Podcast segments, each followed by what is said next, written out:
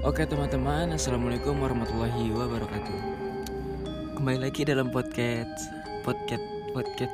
Anjir. Kembali lagi dalam podcast Mat Rapot. Podcast pertama gue ini gue bakal bercerita tentang Apa ya, horor kali yang seru ya Buat pembukaan dulu nih. Gue ada sih satu pengalaman horor yang pernah gue alamin Di masa-masa gue sekolah pas SMA dan itu menurut gue pengalaman paling pertama yang bener-bener nyata gue melihat sesuatu tapi dalam wujud manusia. Sebenarnya itu tuh bukan setan tapi gimana ya? Kalian pasti pernah dengar namanya jin korin. Nah itu dia. Jadi ceritanya itu itu bermula pada hari Senin tahun sekitar tahun 2016 2017 pas gue masih uh, masa-masa SMA nah ketika itu tuh pagi-pagi gue telat berangkat sekolah sedangkan semua teman-teman gue itu udah pada berbaris.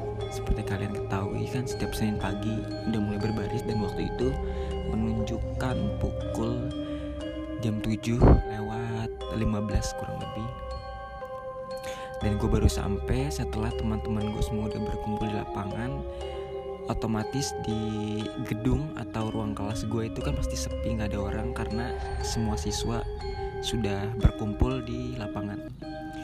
Nah kira daripada gue naruh tas di uh, lapangan akhirnya gue memutuskan untuk naik ke kelas untuk buat naruh tas dan melepas jaket gue nah gue ingat banget gue ke atas itu sendiri dan di atas itu nggak ada orang lagi. Karena di lantai dua itu ruangan yang kayaknya cuma kelas gue doang dari enam ruangan gue inget banget. Dan di satu gedung itu karena gedung gue dicampur sama anak kuliahan yang notabene nya kuliah mereka itu malam dan juga kelas Sabtu. Dan gue yakin di gedung itu nggak ada orang lain selain gue nah kira gue naik naikin tangga ke lantai dua gue masuk ke kelas. Udah ada tas teman-teman gue di kelas. Akhirnya gue masuk sendiri. Kemudian setelah itu gue melepas jaket. Uh, jaket gue gue lepas tas gue gue taruh. Kemudian di ruangan gue itu ruangannya adalah sela-sela jendela tipis-tipis gitu kayak sela hebel. Terus hebel kan jaraknya nggak terlalu jauh tuh ya gue ngeliat tuh ada dua temen gue mereka ini sepasang kekasih anjir. Mereka sepasang kekasih. Nah pas gue buka kan kalau ngebuka jaket uh, sweater itu mohon maaf sweater membuka sweater itu kan nggak ada sampai 5 detik kan ya. Nah, pas gue sebelum gue buka itu gue ngeliat dari jendela itu ada mereka berdua. Mereka berdua nih pasangan dari selah jendela terus gue buka gue kira mereka masuk itu mau ngambil sabuk atau dasi atau peralatan upacara yang lain. Akhirnya gue buka lah.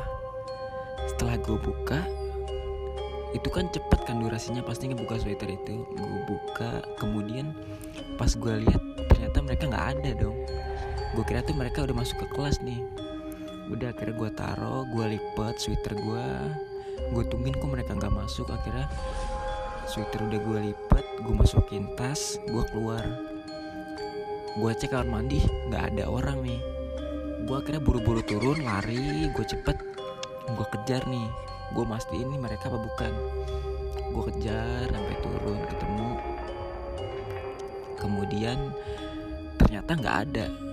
Dan nggak mungkin mereka secepat itu karena gerak gue juga cepet. Setelah naro gue lari keluar ngecek kamar mandi langsung gue turun ke tangga gue kejar mereka.